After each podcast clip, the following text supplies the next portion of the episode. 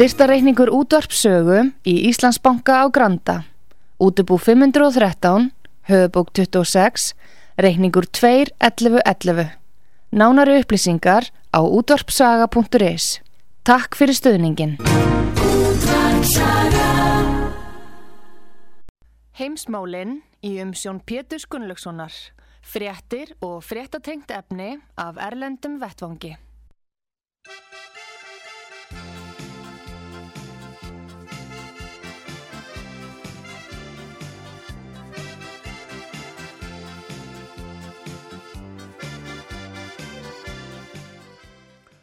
Góðir hlustendur, þér að hlusta útvart sögu, heimsmálin, ég heiti Pétur Gunnlaugsson og ég ætla að ræða við hann Gustaf Skúlason, frettamann útvart sögu í Svíþjóð. Sæl og blessaða Gustaf.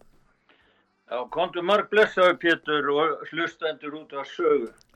Nú, við ætlum að byrja í Svíþjóð og uh, þarna fósittisráþurra Svíþjóður, auðækisráþurra, uh, uh, hann óttast, já, ný stríðsátök í Evrópu og uh, vísa gætna í, í því samhengi á NATO. Eða maður hlusta á hljóðbút þar sem að uh, NATO lýsir afstöðu sinni í málunum? Já, byrjum á því, það er ágætt.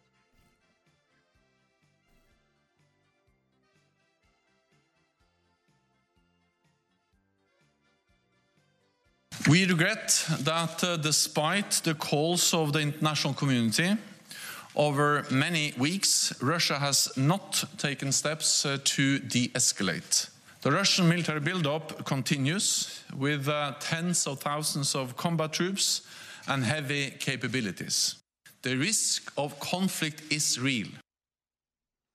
Já, hann Já. segir það, uh, NATO framkvæmdastjórin, að uh, hættan á átökum er raunveruleg. Já, og hann notar orðið sko uh, hætt á nýri styrjöldi í Evrópu Já. og uh, þetta, það hefur, það var svoleiðis hérna að það bergmála svolítið það var, það var, það var svoleiðis uh, skoppara kringugangurinn hjá ráðurum í Sænsku ríkistörninni á milli, milli Brussel og milli Washington þeir hafa verið á fundi, þeir byrjað, það eru mikil fundarhöld í gangi núna sem eru hjá uh, milli rúsa annars vegar og NATO hins vegar út á aðalega þessu ástandi sem er í Úgrænu og þeir byrja á fundum í gæri Genf, aðstúðar auðvitaðnækisráður að bandaríkjana og rúsa og er á fundum núna í dag og svo að miðugdægin ræða er við NATO. En uh, Stolzenberg hann lýsir því bara básina því út um allan heim Það er hætta á stríðsátökum. Það er ekki víst, segir hann, að uh, diplomatiska leiðin nái fram.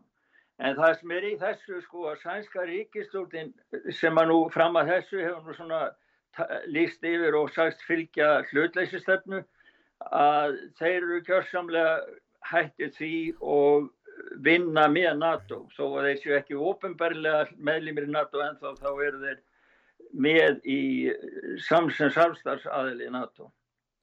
Já en sko hættan er auðvitað í austur hluta Úkrænu sem það eru margir sem stiðja rússana og þar vilja það fá að tala rúsnesku að ef að Úkræn, já hér Úkrænu fer inn í austur hlutan þá er spurningin um það hvort að rússa bregðist við og sendi þá hér inn og þá eru komin bara, þá verður ekki bara spenna fyrir hendi, þá verður bara átökinn byrjuð?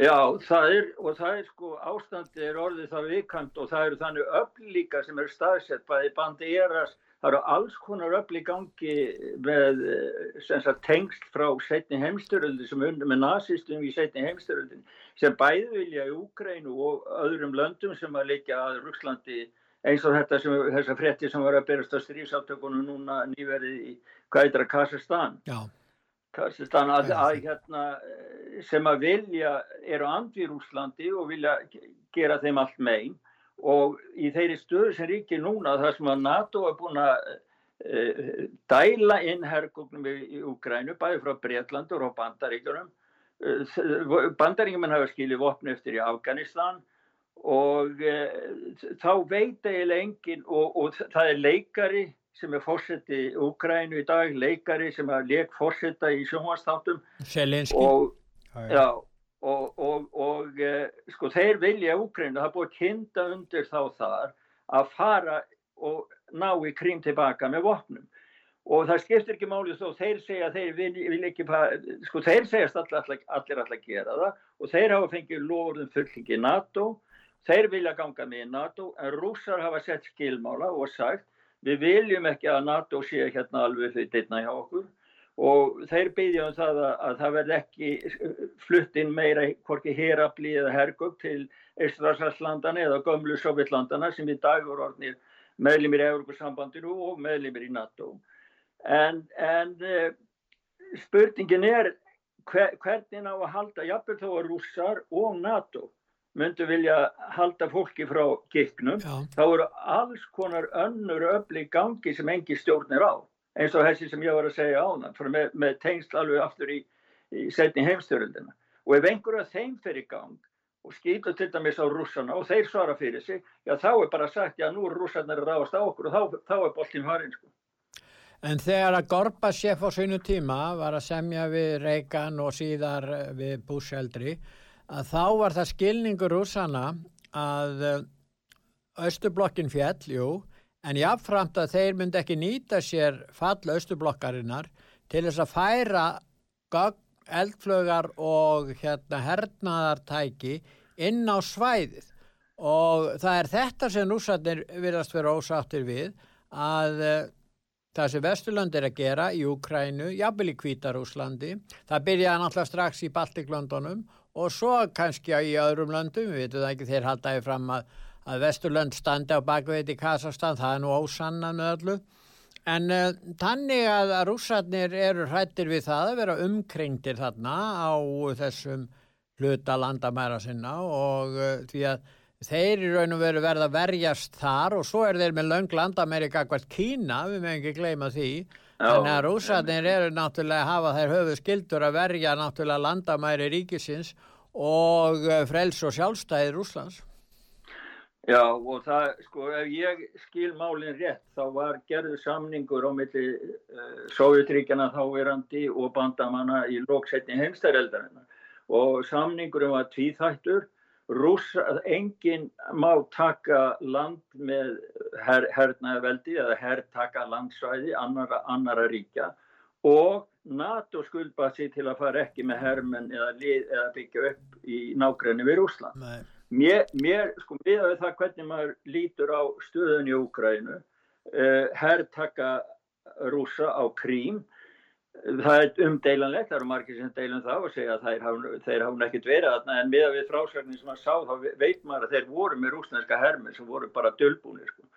en, en, en börsið frá því en þá er NATO þegar búið að brjóta sinnflutt af samningunum því að öll þessi ríki, það er æsingur í öll þessi ríki. Og ég bara, maður mað bara svitna þegar maður horfir á sænsku ráþerrana sko, þeir að vera bestir í bekknu núna og eru bara, þeir eru bara undi, undibúið síðan það búið að hækka uh, stöðuna, viðbræðstöðu sænska hersins, það búið að endurvekja herrdeildina á Gótlandi, þannig að, að sænski herrin er bara komast í viðbræðstöðu og það segir bæði hersöðingi hérna og vartamallar á hérna, þeir verða búast bara að vera við öllu yllu búnir. Já, Þetta, já, en um, ég held nú að bæði auðvitað Stórveldin, Úsland og, og, og Bandaríkin að vilja auðvitað ekki standa í átökum. Ég hef ekki trú á því og, rússarnir er náttúrulega yngri aðstöðl að fara að standa í styrjöld við alltaf þessar bandaríkin. Þeir hafa bara enga fórsendu fyrir því þó þeir séu nú með kjarnorku vopn og sæmilu öflugan hér þá gengur bara vel hjá rússarna núna. Þeir eru að selja gas og olju og efnahægurinn er fann að taka við sér verulega Þannig að það er lítum fátækt í Rúslandi er sagt jafnvel, það er merkilegt nokk og, og það er margt gott að gerast þar þannig að, vonandi lagast þetta og þeir geta að tala saman, Biden og, og, og Putin, vonandi. En, Von, vonandi, já, þetta, þetta er mikið orð bara í kringum þessar samninga, þeir eru í samningastöðu en uh, hvað veit maður hvað gerist? Það verður bara eh, komið ljós. Ha. Svo er þessi kona sem hefur verið ákjær fyrir stríðsklæpi í Svíþjóð, hún gekk til liðs við ISIS og ekki nóg Já. með það að það var sonur hennar líka var það ekki til að að hún uh, hafi fengið son sinn til að taka þátt í stríðsátökum. Hann er nú látin eftir, uh, hvað hefur þetta áður svona 15 ára gamall í stríðsátökum. Það er svakalegt þegar að, að móðir barna hvetur þau til að taka þátt í svona stríði sko svona, já grundvöldur Já. væga sett vafasamur, það verður kannski annað ef verið væri að verja föðurlandi þá kannski grípa börni til vopna líka þó að það sé náttúrulega líka mjög varhugavert en í þessu tilfelli þá á hún sér enga málspætur þessi manneski, eða er það? Hvernig lítur þetta út? Nei, nei þeir, hún segir það, skils mér, að, að svo, hún hafi verið í höndum svona sín sem hafi terrorisera hana. Það Nú. segir hún núna. Hún, hann er svo það- ungur Já, og, hann var ungur og hann er dáinn, þannig að þú veist, hann var Þannig að 12 hún er bara- ára er hann var bara- 12 ára þegar hann terrorisera hann, það finnst þér það líklegt já, nei, það finnst mér nú ekki, sko, þetta er nú svona eftir á, eftir á skálskapur til þess að reyna að verja hana frá dómi hér í Svítjó. En það sem ég er aðtiklisvært, það er það að þetta er í fyrsta sinn og það var nú líka aðtiklisvært út af sagabyrti þess að frétta áður en hún kom hérna í Svítjóð í, í sænska sjónvarpinu já, sem að síðan, nú að saga nú stundum snögg með fréttinnar. já, en, en uh, þetta er í þeirra umræðu og, og það hefur verið lagt út ríkistofni hérna hefur verið lagt út rauðateppið sótt þessar konur, hún er ekkit einn sko, það eru um tíu konur eða 20 konur sem búið, búið er og er verið að sækja. Og það eru, eru tölvar umræður í gangi inn í Svíþjóð um það að, að eh, það var meðal hans heitt svona að segja, já það eru nú bara mannréttindi hriðverkamanna sem eru í búðunum á kordunum í, í, í Sýrlandi að þeir eru að fá að koma til Svíþjóð til að geta fengið dóm hér. Eh, sko því að sko allt í henni núna á að fara á grundvelli mannréttinda að, að vorkenna morðhundum og hriðverkumönnum sem skori hafa hálsin af fólki sem er ekki sammálaðin. Þeir frömdu glæpi á ellendri grundu, ég meina það er ekkit fyrir svíjan að fara að lögsækja þessa menn sérstaklega, það er hlutverk þeirra sem að fornalambana sem búa á þessu svæði að draga þessa menn til ábyrða. Já, og þá segja kurdarnir sem eru með þá sko að þeir vilja losna við þá úr fangabúðunum. Það, það, það, það er svolítið svoleiði sko. En, en umræðin er þannig að vinstra fólki hérna við bara já, já, komið inn með alla hriðverkamennina til Svíþjóðar. Sko Svíþjóð er svona hálgert að sælu land, að verða hálgert sælu land fyrir, til að verða svona hálgert Afganistan. já þú meina að verða svona greiðland fyrir óð, óþvera. Já, griðiland fyrir hriðverkamenn, sko. Já, ég segi Því það. miður. En uh, segðu mér, nú er, ef við förum að ræða þetta COVID-mál þarna í Svíþjóð, þá er nú eitt prófessor þarna við Karolinska, Karolinsku stofnunna sem heldur því fram að bólupassin sé ekki bara gagslítill, heldur gagslaus. Já, hann, eh, þetta er mjög virtu prófessor, þekktur henni í Svíþjóð, hann vinnur smittsjúkdóma hjá Karolinsku stofnuninni Já. hérna í Stokkólmi Já, og Karolinska stofnunin er nú einn besta í heimi í þessum málum. Og hann sagði það að því að sænska ríkistofnun var að tilkynna í síðustu viku um nýja takmarkanir til að vinna gegn dreifingu smitts á COVID-19 og ein þeirra er að einstakki fyrirtæki rekundur og starfsmenn eiga að verða nokkuð svona bólupassalögrugl og krefast bólupassa viðskiptun. Til dæmis eh, þeir sem e, e, fóreldrar sem er óbólusett get ekki fara með sín í bíó lengur henni í síðjóð. Og, eh, en hann var að segja það að honum, hann sagði það að bólupassin er gagslaus. Hann er, þetta er yfirspilað, yfirspilað dæmi því að í raun og veru, því að það er engin munur á smiti, eh, veikindum, bólusettra eða óbólusettra. Það er engin margtækur munur þar á, þannig að vera að skipta þessu fólk upp í bólusetta og óbólusetta, það er tilgangslöst, segir hann. Og jafnvel þá virkið á hinbógin að, þeir, að með því að setja svona inn reglur um bólupassa að það vakið að fólki þá trú að það sé allt miklu betra en maður er bólusettur sem það er í raun og veru ekki. Já. En nú til dæmis ef við snúum okkur öðru hann í Svíþjóð, þannig að það eru heilmiklir tungumálaöruleikar á sænskum elliheimilum og þá er spurningin ef þú ert starfs, sá sem er starfsmæður og kann ekki sænsku og er á sænsku elliheimil að starfa bara með góðu vilja og góðu starfsmæður og allt í lagi með það. Hvernig ná hann að skrifa skýslur og annað eh, í sambandi við samskipti sín við, við, vistmenn þarna á þessum stofnunum. Já, þú kemur nú með puttan á eitt mjög viðkant vandamálinn í Svítjóð. Svenska ríkjumútvarpið fór að kanna ástandi. Það er nefnt hérna í Svítjóð, Kórun er nefndin sem er að gera úttækt á hvernig ríki starf, hefur starfað og breyðist við COVID-12. Hefur komið með eina eða tvær skýrstur að búist til síðustu skýrslunni setni ár fyrir kostningar og þeir gaggríndu þetta mjög, hvernig ástandi væri á elli heimilunum og í meiri hluti, það eru 195 eða 198 sveitafjölu hérna í Svíþjóð og meiri hluti þeirra segja að starfsmenn þeirra í áalli heimilum og hjókuruna heimilum tali bjagaða sænsku og þetta hefur leiðið til miskilning og þeir get ekki skrifa skýslur eins og þú varst að segja. Hörja. Þeir get ekki skrifa skýslur. En hvernig geta þeir ef þú ert með hjókurunar heimili Það er að segja að elli heimili sem er hjókunarheimili þá þarf að skrifa sjúkraskíslu líka. Að þessu læknarnir skrifa, ég veit ekki hvernig það er, þeir, fá, þeir eru náttúrulega að skrifa þetta líka, þeir sem umgangast vistmenn, læknarnir umgangast ekkert vistmenn dagstælega. Nei, nei, það er starfsfólki sem gerir það, sko. Læknandi kannski sjást aldrei að bara hafa símasamband við það. Já, frá, já, frá. þeir sjást ekki, þannig að já, þeir eru ekkert að skrifa sjúkraskíslutan eins og niður. Vilja aðri gera það fyrir sig? Já, emmi, sko. Og þetta er, hún segir það hérna, Elisabeth Sundelín, yfirmaður hjá Solna, sveitafélaginu hérna, þess fyrir sunna mig í Stokkólm, hérna, hún segir það að þeir séu með svo mikið fjölda sem er ekki fættur í Svíþjóð og þá verður þetta mál.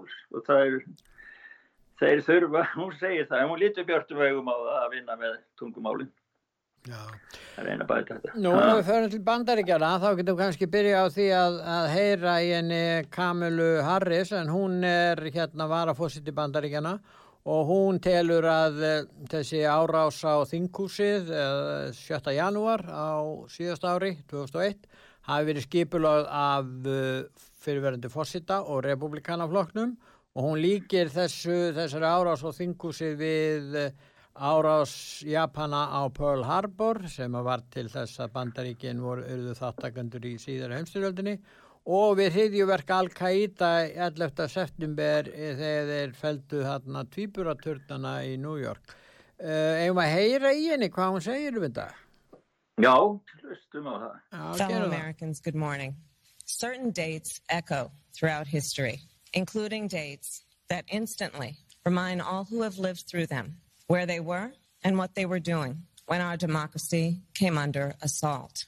Dates that occupy not only a place on our calendars, but a place in our collective memory.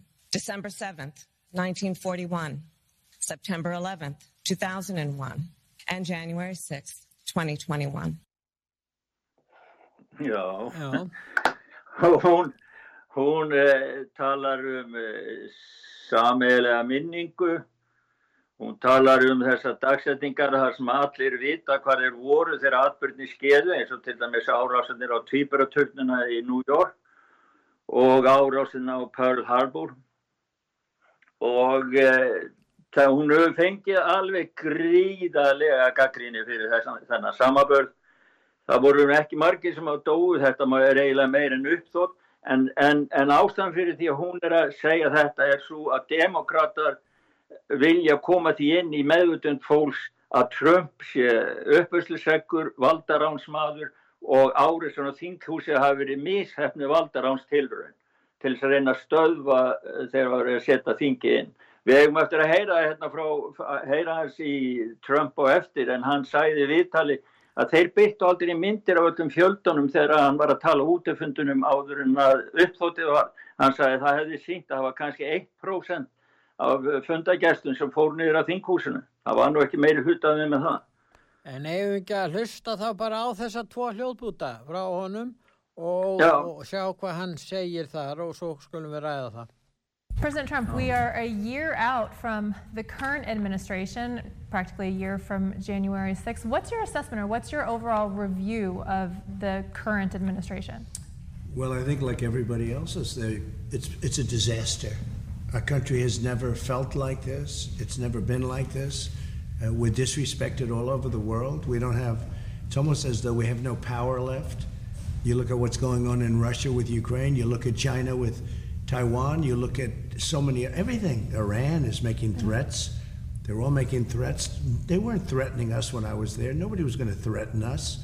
And I think a lot had to do with the Afghan withdrawal, the way we withdrew from Afghanistan. It was so, and getting out was a good thing, not a bad thing, but you had to keep Bagram and right. you had to take your soldiers and your troops out last, not first. Conservatives and, and rightfully Americans are concerned that our freedom of speech is in jeopardy. What do you think? It's the beginning of communism, and, and I think it's beyond, long beyond the beginning. They are censuring, and in a very strong level, conservative voices, Republican voices, and they're almost blatant about it. You know, it's incredible when you think what they're doing and how they're going about it. But they're censoring voices that are conservative or Republican. Right. I mean, I read where they censored books on Ronald Reagan and some yeah. very good people, and they were met with such force that I think they now said, "Oh, I, we didn't mean that; it was a mistake." You know, they do that right. sometimes. But no, it's a very, very serious problem. It is the beginning. It's the early stages of communism.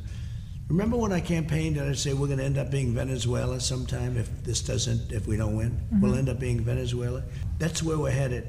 We're headed toward Venezuela large-scale version. Já, hann, Já. hann er að fjallum það í fyrir hljóðbútnum í sambandi við það að það sé verið að ógna og hóta bandaríkjum og öllum áttum og það er vegna þess að þau standi veik að við gagvart eh, öðrum ríkum njóti ekki virðinga lengur alþjóða vettvangi og í síðara myndbandinu eða hljóðbútnum þá er hann að uh, líka í raun og veru stefnunni sem tekin er í bandaríkjanum við það að verið sé að skerða og takmarka tjáningafrelsi eins og gerist í kommunistaríkjónum og þangað sé stemt smám saman að verði svona sríki eins og Venezuela með tímanum, það tekur náttúrulega tíma. Já, og hann segir það að bandaríki sé á leiðin að verða bara eins og reysastórt Venezuela. En að talandu um Venezuela fyrir ekki að Gustaf, þá er aftiklisvert að það, þeir hafa verið látnir algjörlega í friði og fjölmiðlar hafa lítið gaglið þarna, ástandið er alveg skelvilegt, trátt fyrir hæsta oljuverð í sögunni Þú veist að þetta er eitthvað mest að ólísframlegslu ríki heims fyrir og síðar og að setja á meiri byrðum heldur en nokkur annað líki.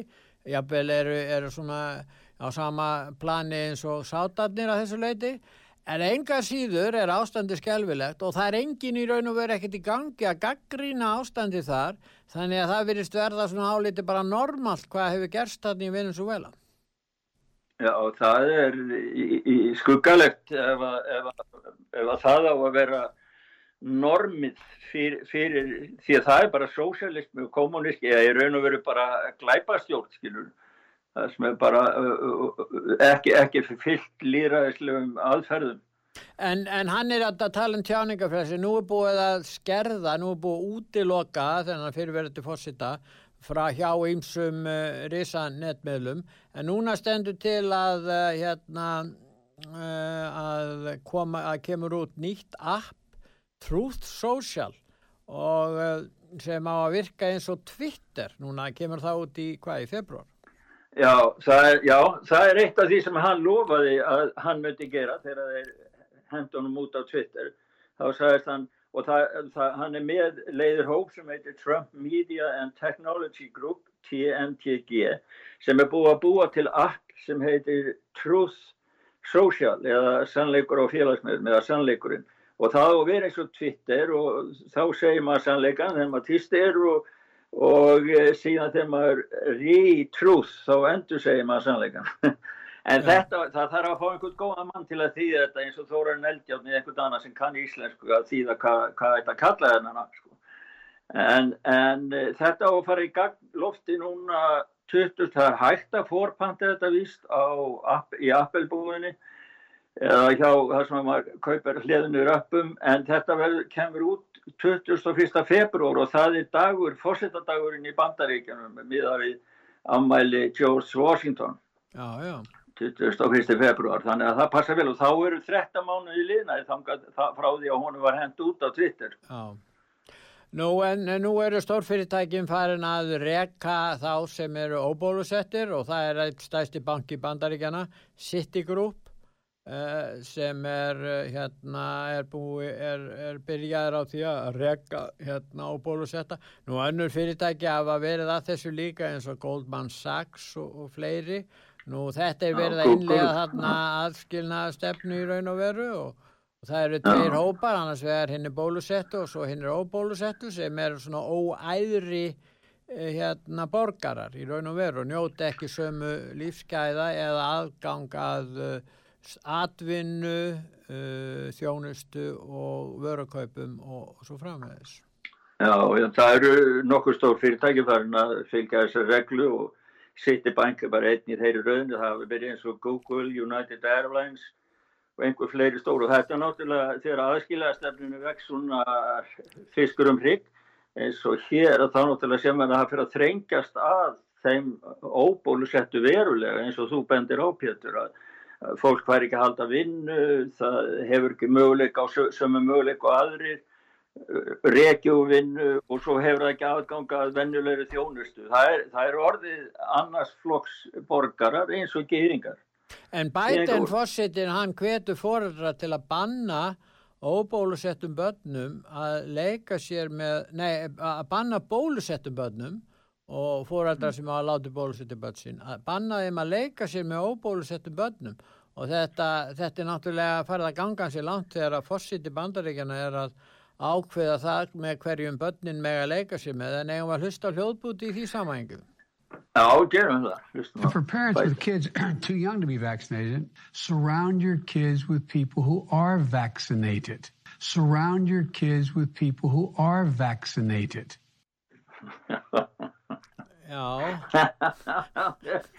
Ég veit ekki hvað er með þennan mann sko. Hann er, hann, hann er stónu og listi yfir í sjóastætti að enginn sem eru bólusettu gegn COVID myndi geta smittast af COVID. Núna er 80%, 70-80% þeirra sem eru smittaður á Omikron, þeir eru allir tví eða þrý bólusetning.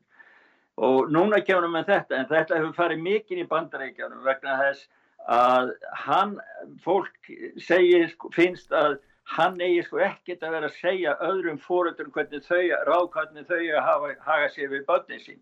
Og síðan eru byrta myndir að berðisum sína hans bætin í eitulíðarsvalli, kynlíðsvalli, með tölvuna frá víti og allt þarf þetta göttunum sko. En eh, varðandi sko upplýsingar, nú er menn að deila um heimildir, upplýsingar, áraðanlegar upplýsingar, upplýsingaóreiðu, en nú likur fyrir að það er tilkynningakerfi í bandaríkjónum, Vaffa ERS, eh, vers, sem hefur tekið við tilkynningum um aukaverkanir vegna bóluefnana. Og Já. þar kom í ljós mjög háar tölur um að eh, margir hafa mörg döðsföll og, og, og mjög margar aukaverkanir. Já, VAERS stendur fyrir Vaccine Adverse Event Reports Já. og þýðir eiginlega skýstur um aukaverkanir. Já. Þetta er open, openber eh, miðli bandaríkjanum, það er frjálst að senda inn og þeir bara lagur að geima allar upplýsingar sem koma inn án þess að leggja mat á það endilega hvaða þýðir en núna nýjustu upplýsingar þann eru, þetta er frá bandaríkanum 21.002 andlátt hafa verið tilkynnt í kjölfar bólusetninga. 110.609 sjúgrásinnlagnir í kjölfar bólusetninga. 3.435 fósturlátt 22.117 hjartabólgur 10.640 hjartáföll og 35.650 öryrkjar. Það eru yfir miljón, það eru aðra miljón tilkynningar sem hafa komið fram til dagsins í dag. Það er hlekkur frá heimasíðu sögu, beint inn á þessa síðu, þannig að allir geta að fara inn og skoða þetta sjálfur. Það eina, eina sem ég er, það er að þeir breyttu eh, tilkynningunum þannig að þeir eru farnir að reikna með en ég veit ekki alveg sko eitthvað frá Erlendu líka en ég skil ekki alveg á hvað grundulega það er gert. En þetta eru tölutar sem eru þeirra heimasíðu núna. Tilkynnt að það er líka línuritt. Og það er allir finnst mér að fara inn á heimasíðu sögu og skoða þetta línuritt. Því að það er satt, það er tölfræðilega rétt. Það er yfir döðsföll, tilkynningar um döðsföll að í þessu kerfi. Allt frá árunni 1980 eða 1990 sem gafið það, það er þrjá, síðustu 30 árin allavega.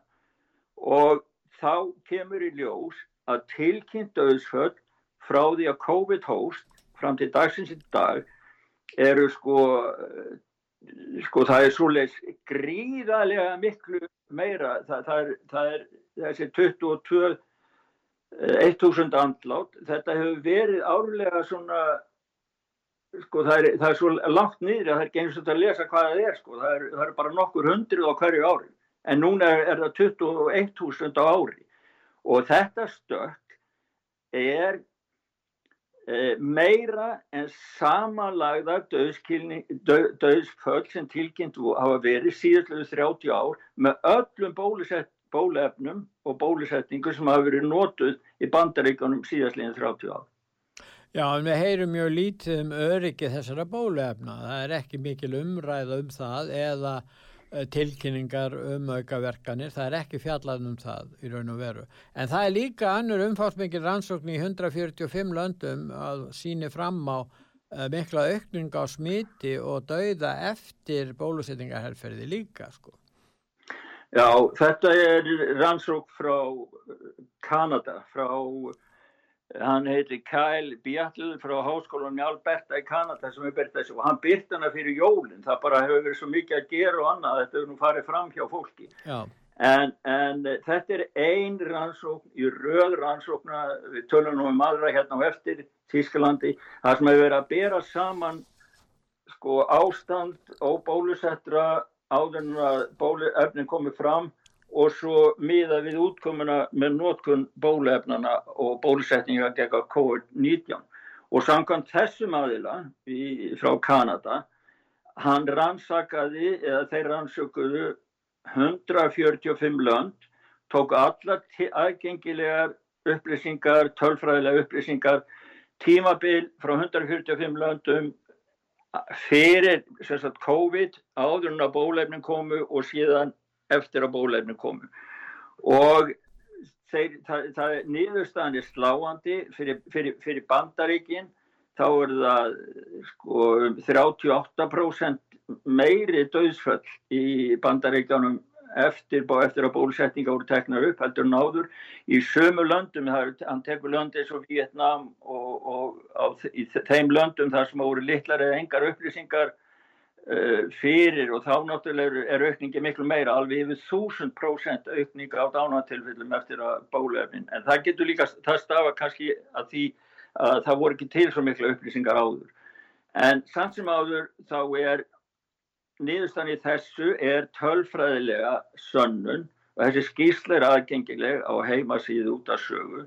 Og með öllum, öllum gögnum 99 síður, hún er á ennsku en hún sínir óhjákamilega útkámu sem er allt öðruvís en okkur er sætt og hann segir það, eða þeir segja það sem að skrifa skýsluna að þetta hljóta valda yfirvöldum miklum áhyggjum að sjá að bóluefnin sem að stjórnmálamenn lofa þeim sem að láta bólusetta sig að sé likillin að endurheimtu frelsa, maður getur opnað upp samfélagið að útkoman er á hinvegin.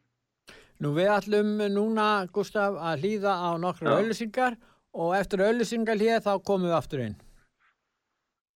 Heimsmálinn í umsjón Pétur Gunnlaugssonar, fréttir og fréttatengt efni af Erlendum Vettvangi.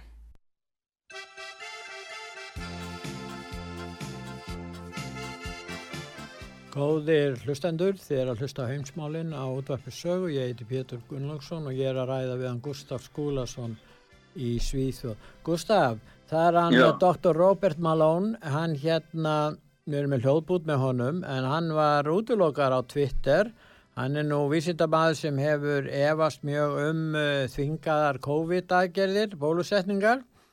En ef ekki að heyra hvað hann hefur að segja, núna hljóðun. Já. Já. You have a society that has become decoupled from each other and has free-floating anxiety in a sense that things don't make sense. We can't understand it. And then their attention gets focused by a leader or a series of events on one small point, just like hypnosis. They literally become hypnotized and can be led anywhere. And one of the aspects of that phenomena is the people that they identify as their leaders, the ones typically that come in and say, You have this pain and I can solve it for you. I and I alone can fix this problem for you. Já, hann er að lýsa í raun og veru heilaþvætti og músefjun fólks og sem treystir alltaf á yfirvöldin til að geta leist þjáningar sínar og vandamál. Já, þessi bútur er nú tekin úr uh, löngu viðtali, þryggjatíma viðtali við eitt vinsalasta nettimílamann í bandaríkanum, Joe Rogan, sem er með 11 miljónir, eða var með 11 miljónir fylgjendur á, á Twitter. Og það var nú svolítið skemmtilegt að, að hann lísti því Malone sko hvernig allt bara, hvernig hann var reyginu þeir rættu það og svo sæði Malone við hann að hann væri komið núna á Gettr, það heiti G-E-T-T-R og þá sagði Rogan, já heyrðu það best að ég kom bara með þið þanga yfir. Og þá fór hann yfir þanga og, og för, marga miljónir af fylgjum hans með honum. Já, frá Twitter, frá, frá Twitter. Þannig að Joe ja. Rogan var á Twitter, búin að yfirgefa Twitter og tók með sér marga fylgjendur. Já, mjög marga yfir að getur, já. Og það sem ég finnst að vera gott, sko, því að Twitter er gjörsanlega búið að, að þeir, þeir loka á vísindamenn eins og Malone og marga aðra, sko. Þeir já. gefa ekki um neinar upplýsingar, þeir segja bara þeir brjóti gegn skilmálum uh, samfélagsmiðlsins á nokkura meiri útskýringar. Þannig að þeir rittskoðun, þeir bara brjóti gegn okkar skilmálum um rittskoðun, um punktur. Já, og punktur. Og málið er það að hann útskýri alveg í smá aðrum í þessu viðtali hvaða var akkurat sko og það var voðalega einfalt, einfalt framsetning eða spurningi á honu sem gerða verkum að þeir bara fóru límingunum á Twitter sko. En þetta er maðurinn, hann er mjög rólegur og hann líst öllu sínu bakgrunni og hvað hann hefur starfað við og hann er uppfinningamæðurinn aðeins er að tækni, mRNA-tækninni sem er notuð í, á bólefnunum. En lefjarísarnir vilja ekki hafa leifunum að tala og eh, stjórnmáli elitan, það verður að halda honum burtu frá vegna þess að fólk má ekki vita hvað hann er að segja. Og hann hefur til dæmis út af saga byrti eh, ávarp hans til allra fóreldri í heiminum. Það sem að vera að byggja fólk um það ekki fóreldra að íhuga máli meir en einu sinni tvísar eða þrísar áðunum færi með börni sinni spröytun og hann lísti því alveg nákvæmlega læknisfræðilega hvað gerist í líkama barnana þegar mRNA bólefni er spröyta inn í það og við höfum rætt um eh, tilkynningar og annað bæði hjá íþróttamönnum og það, það ber öllum sama, eða mjög mörgum vísindamönnum saman sem eru andvið í þvingunum að, að það sé sko eigi bara stöðva að tafa löst, það eigi ekkit að vera bólusetta lítil börn með þessu. En hann, hann sem sagt eh, í þessu bút sem við hlustuðum á, þá er hann að vara við múksefin og hann, hann lísti, hann rætt um það að þetta var, þetta var það sem að skeði í Þískalandi á þriði og fjóruð áratug síðustu aldar fyrir, fyrir heimstjóraldina og hann segir sko þegar samfélagin eru eh, orðinir þannig að maður á ekki samskipti, maður tala fram hjá hverju öll og mynda svona staða þar sem að og, og óttinn streymir frálstum allt. Þá mynda svona, svona eigur, það eru rýtskónir og svona eigur þar sem að koma fram leiðtógar sem segja, tala vola einfalt mál og segja ég leysi þetta fyrir þig og fólk byrjar í blindni og trú á einhverjum ákveðinu leiðtógum eins og til dæmis það gerði í, í Þískalandi hámenda fólk og engi skildi hvernig það stóði því að það var allt kól brjála á nokkrum árum undir uh, áruðri Adolf Hitlers. Hann er, hann er að segja það, við erum komin á þennan stað núna, það er eiginlega bóðskapurinn í þessu sem, sem við vorum að ræðum. En uh, það sem gerðist núna auðvitað fyrir áramót og, og það var þessi uh, Omikron vera sem að uh, fór að herja á okkur og er núna, má segja, svo hérna, vera sem að er drottnandi núna og Já. hún er talinn en þá missakosti, menn hafa ekki mótmælt í, hún er hættu minni og minna bannvæn en en þessi omikronveira hún hérna hún hefur haft auðvitað áhrif á hérna stöðuna vegna þess að hún er uh, mjög smittandi en jáfnframt minna hættulega þá er spurningin akkur voru ekki menn látnir eða akkur beður ekki með það að, að bólusetja börnin? Svo við sæjum í raun og veru hvort að Omikron væri nokkuð að ógna börnunum út af fyrir sig. Já, ég hérna mail Áður en online. að fari bara að bólusetja sko. Mm. Já, einmitt. Mail, mail online í Breitlandi byrti mjög góða grein um þessi mál Já. og það er línuritt og myndir frá þeim á heimasíðu sögu og þar eru koni með sko að það eru 99% sem, færri sem deyja völdum Omikron en, en af delta veirunni og þeir segja frá því að það séu vísindamenn við Washington háskólan sem er að vinna mótelgerðum áhrif á Omikron og eh, það sem þeir segja að sko döðsföllin eru komin niður í það sama og venjuleg flensa. Það er að nálgast það alveg. Og miða við það, og, og í þe- þessi, sem að þe þessa tölu frá Englandi sem þeir byrtu, það er línuritt yfir það, þá er bara 0, eh, 0,081% líkur á dauða í aldursofnum 1-4 4 ára, 0,0011% líkur í aldurshópi 5-14 ára, 0,0048% í 15-20 og svo er það ferðað upp í 3,1% í 75 ára aldri. Sko. Þannig að, að, að niðurstaðan af, af þessum rannsóknum er svo að það sé engin fótur fyrir fáralögum lókunar aðgerðum yfirvalda lengur því að, því að eh, það eigi bara að líta á þetta sem venjulega influensu og hætt að vera með lokanir og hætt að vera með efnæslegt skemmtastarf á samfélaginu því að þetta mótsvar ekki því. Þetta sé ekki sam, samfélagslega hagstætt að halda áfram með, með hérna, niðurlokanir eins og um mjög mikið skað, skadlega veiruvarar. En uh, til þess að, uh, að, hérna, að þeir sem vilja bólusetja sem flesta uh, geti náð þeim árangri sínum að þá þyrti eiginlega ómikrón að vera hættuleg. Já og svo, svo er líka annað í þessu Pétur að, að 40, þeir, þeir búin að koma að staði í Breitlanda, 40 pluss þeirra sem eru með COVID og bresku sjúkur og sem fór ekki þanga vegna COVID, heldur vegna annar ástæðina. Og ég gerði smá rannsókn á Íslandi, ég fór inn á, það er sæt á Íslandi sem heitir COVID-19 og það er bara mjög góðar tölulegar upplýsingar. Og þá sé ég í gæð á þessari síðu að það eru 37 innlæðir á sjúkróðsum í Íslandi og þá er nú ekki hægt, og þar er verið 8 á gjörgjæsludeil og ég myndi nú segja að það, það eru örglega til meir en 37 rúm á sjúkróðsum á Íslandi, það var það til þegar ég var 7 óra gammal og láða þarna í smá tíma.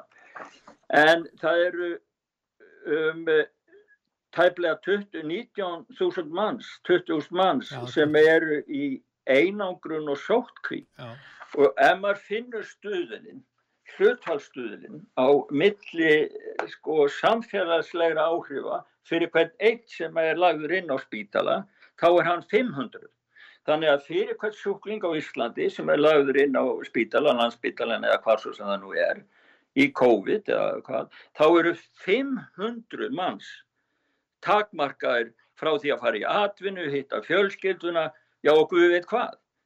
Og þetta náttúrulega er þetta samfélagslega hagkvæmt? Ég held nú ekki sko. Já í Ísrael þá komast menningin svona McDonalds og það lítur að vera mikil sorgríkjandi hjá óbólusettum í Ísrael því þeir fá ekki að geta McDonalds hamburgara en það er nú merkilegt með Ísrael að þeir hafa bólusett mest og voru fyrstir og, og þeir eru konið með fjórðusbrautuna núna. Og Já. þannig að þeir töldu uppalega að þetta gæti nú verið hægt að stöða þetta mestu leiti og þeir hann nánast allir ég, ég hann ekki að vísi þvinguð bólusetning þar, ekki ennþá held ég en uh, langt flesti bólusettir en samt er, er þeir einleiða fjórðu sprötuna og, og Já þeir, þeir hafa verið að ræðum ég las nú einhver staðar að þeir væru að, að fara að bakka með það, ég veit ekki hvað er rétt er í það? Þeir, þeir, Já það, það eru umræður um það allavega en ég veit ekki hvað akkur, er rétt já, já. En ef við förum til Fraklands, nú það eru kostningar í Frakland á þessu ári, verða spennandi fórsetakostningar, bæði fyrir umferð og, og vantala setnu umferð líka og þó að það getur verið að hún verði minna spennandi setnu umferð því það er kannski ljóst að annarkur þeirra verður með yfirbörða stöðu þá sem að verður í, í frambúði. En uh, það er ljóst núna að fósittin virðist tala eins og maður sem er fullur örvendingar. Fósittin hann er komin, hann ræðst á þá sem eru óbólusettir og talar um það að, uh, að þeir séu ábyrðalöysir sem ríkisborgarar og ég veit ekki hvað hann vil ganga langt. Er, hann Ég- ekki bara ég- undirbúa það að innleiða skildu í Breitlandi? Nei, í Fraklandi segi, í Fraklandi og, og, og hérna. Já, það er náttúrulega það sem að hann vil sko, þeir, þeir, það var nú allt vittlustan í þinginu, það var að aflýsa fundi sko, þeir gátt ekki rætt málin og fresta umræði því að stjórnar anstæðan mótmælti lagatölu ríkistjórnar um, um bólupassa sko, hann vil koma á bólupassa og, en hann er svo hann er svo ljótur í sínu orðbræði til þeirra óbólusettu því að hann lýsir því yfir og það er bara vakið eh, mikla anduð í Fraklandi á honum sem personu að hann, hann sagði það alltaf gera lífið leitt fyrir óbólusetta og hann myndi halda því áfram í rauða dauðan, það væri stefna hans og ríkistjórnarinnar og uh, það var nú einn í stjórnaranstöðunni sem sagði það Bruno Retalier, leiðtói borgarlega lesi republikans í öldungadeildina, hann sagði það Emmanuel Macron segist það var lært að elska frakka en það lítur út fyrir að hann hafi sérstaklega ánægja því að niðurlega þá. Við getum hvati bólusetninga á þess að móka neitt eða íta fólki út í einhverju rótækni. Málið er að hann er búin að mála svo út í hot. Ég held að fólk sé hægt að hlusta á hann í Fraklandi og það voru gríðarlega mótmæliðar núna um helgina. Það hefur bara ekki komist inn á, inn á síður fjölmela svona einu nemi og uh, það síðast orðið þessum málum er ekki sagt í Fraklandi. Það er eitt sem er. En uh, talsmaður hans, eða blaðfulltrúi, eða hvað er maður að kalla hann, hann Já. lýsir því yfir að allur þorri frakka stiðji fósitan varðandi þessi, þetta orða, þetta, hvernig hann ræði þessi mál og yfirlýsingar hans, gagvart óbólusettum og þess vegna mun hann græða á þessu í þessum fósitakostingum. Það er að halda í fram að 70%, jafnvel ennþá fleiri, frakkar vilji tala svona gegn ból, óbólusettu fólki. Já, ég veit, þetta er náttúrulega ekki, Já. ég veit ekki hvort þeir að vera ansaka þetta, ekki, láta gera einhverja könnun á sínu vegum. Já, það er, það er, mér skilst, ég hef heilt þetta líka áður sko. Já, og það er einhver hópur hérna sem er gall harður bara fasista hópur sem stiður við baki á honum og er reyðbúin í aðs, harða aðskiljaðan já, En eh, ég ætla bara að vona það að það reynist ekki að fullu rétt eh, þessi yfirlýsingar sér 70% og ég mun kynna mér máli og við munum halda áfram að fylgjast með því sem skefur Fraklandi. En nú verður- en við vitum, nú verður stjórnaranstæðan marg klofin í þessum kostingum. Já og, og það er ekki gott í sambandi við til dæmis Le Pen, það eru tveir eða þrýr sko á, sem slást á móti Macron sko, hann, ég hugsa að hann græði á því sko. Já, já, það og það verður ekki bara í fósitaframbóðinu, heldur líka í þínkostingum. Þannig að í raun og veru verið sundrungi það mikil að það er þessi einmenniskjördæmi sem er í Fraklandi eða þessi sérstöku, þannig að, að Macron getur verið þá í þínkostningum með miklu, miklu sterkari stöðu því hann nú með peningana bakvið sig, við vitum það. Og, uh, og hinnir eru það sundraðir bæði til hægri og vinstri og hvað sem þeir eru nú að þvælast. Það er til dæmis eitt sem er bladamæður þarna sem hefur haldið svona fram ákveðni þjóðernishyggju og, Já. og dyrkar Napoleon Bonaparte og de Gaulle og telur þá hafa verið fyrirmyndar uh, hérna leðtóa og hann er þjóðerni sinna á gýðingættum, svolítið sérkennlegt og hann er bladamæður og hann nýtur mikill af vinsald og er að taka fylgi frá Marine Le Pen. Þannig að þetta er allt saman að sundrast þarna á... á Já, maður sér, mað sér nú bara hvað málinn eru, sko, hvernig orðræðan, hvað hún er komin út í skurð, þegar að Fraklandsfórseti lýsir því yfir, að hann líti ekki lengur á ábyrðalösa neistakling, þar að segja óbólusettan, sem ríkisborgara. Hugsaði það að fórseti einn stærsta ríkis í Evrópu sem ánur svo marga góðar hefðir og sögur fyrir líðræði og frelsi, að hann skulle láta þetta, láta þetta út úr sér. Það, það er ótrúlegt að heyra þetta árið í 2022 sko. en, grund, en grundvallar regla í þjóðarétti og ríkisrétti var að þú gætir aldrei tekið ríkisfang af neinum. Nú er það farið að týðkast. Skilur þau, þú gast ekki verið Já. alveg sama hva, hver, hversu slæmi viðkomandi aðili var. Þá er ekki hægt Já. að losna við hann. Það er nú eins og hérna í Svíþjóð sko, hann er alltaf verið að dæma fólki en það er ekki hægt að reyka á landi það Nei. fólk er að- orðinir sænski nei, ríkisborgari. nei, það er ekki hægt að taka af ríkisborgari. Nú á Ítalíu þar innleiða er aðskilnað stefnum hvert 50 ára og eldri og hérna, og þetta heldur áfram í Evrópu og eh, þetta er svolítið kaltænislegt að þarna skuli Ítalía, Frakland og Þískaland vera í farabróti og Östuríki, hvað finnst þér? Já, mér finnst að það er líka eitthvað, við vorum að hugsa það að þetta er líka tengt umræðu innan Európusambansins og valda barátt innan Európusambansins. Frakkar, bæði frakkar og ítalir eru með blöyta drauma um að geta tekið yfir stjórnina. Frakland, ég held að sé Frakland sem er núna leiðir sex mánuða, ef ég manna rétt, uh, uh, fors, forsætti Európusambansins, ég manna hann ekki alveg en, en uh, það er Macron, hann er með svona imperialistiska stórvelda ströyma sko, Napoleon, sko þetta lið það er fara að haga sér og vil koma á rómversku eins og rómverjar, stórveldi í Evrópu og drottna yfir öllum öðrum sko. eftir því sem áhrif þeirra minka í heiminum, þeim er hrokkafyllri verðaðir, mennarum. Já, þetta var mjög góð samant, niður samantekt af því sem ég var að hugsa. En við kannski bara í lokin uh, með þýska rannsókn þar sem að um, umfram dánartilfelli eru fleiri, hérna þar eru fleiri bólusettir.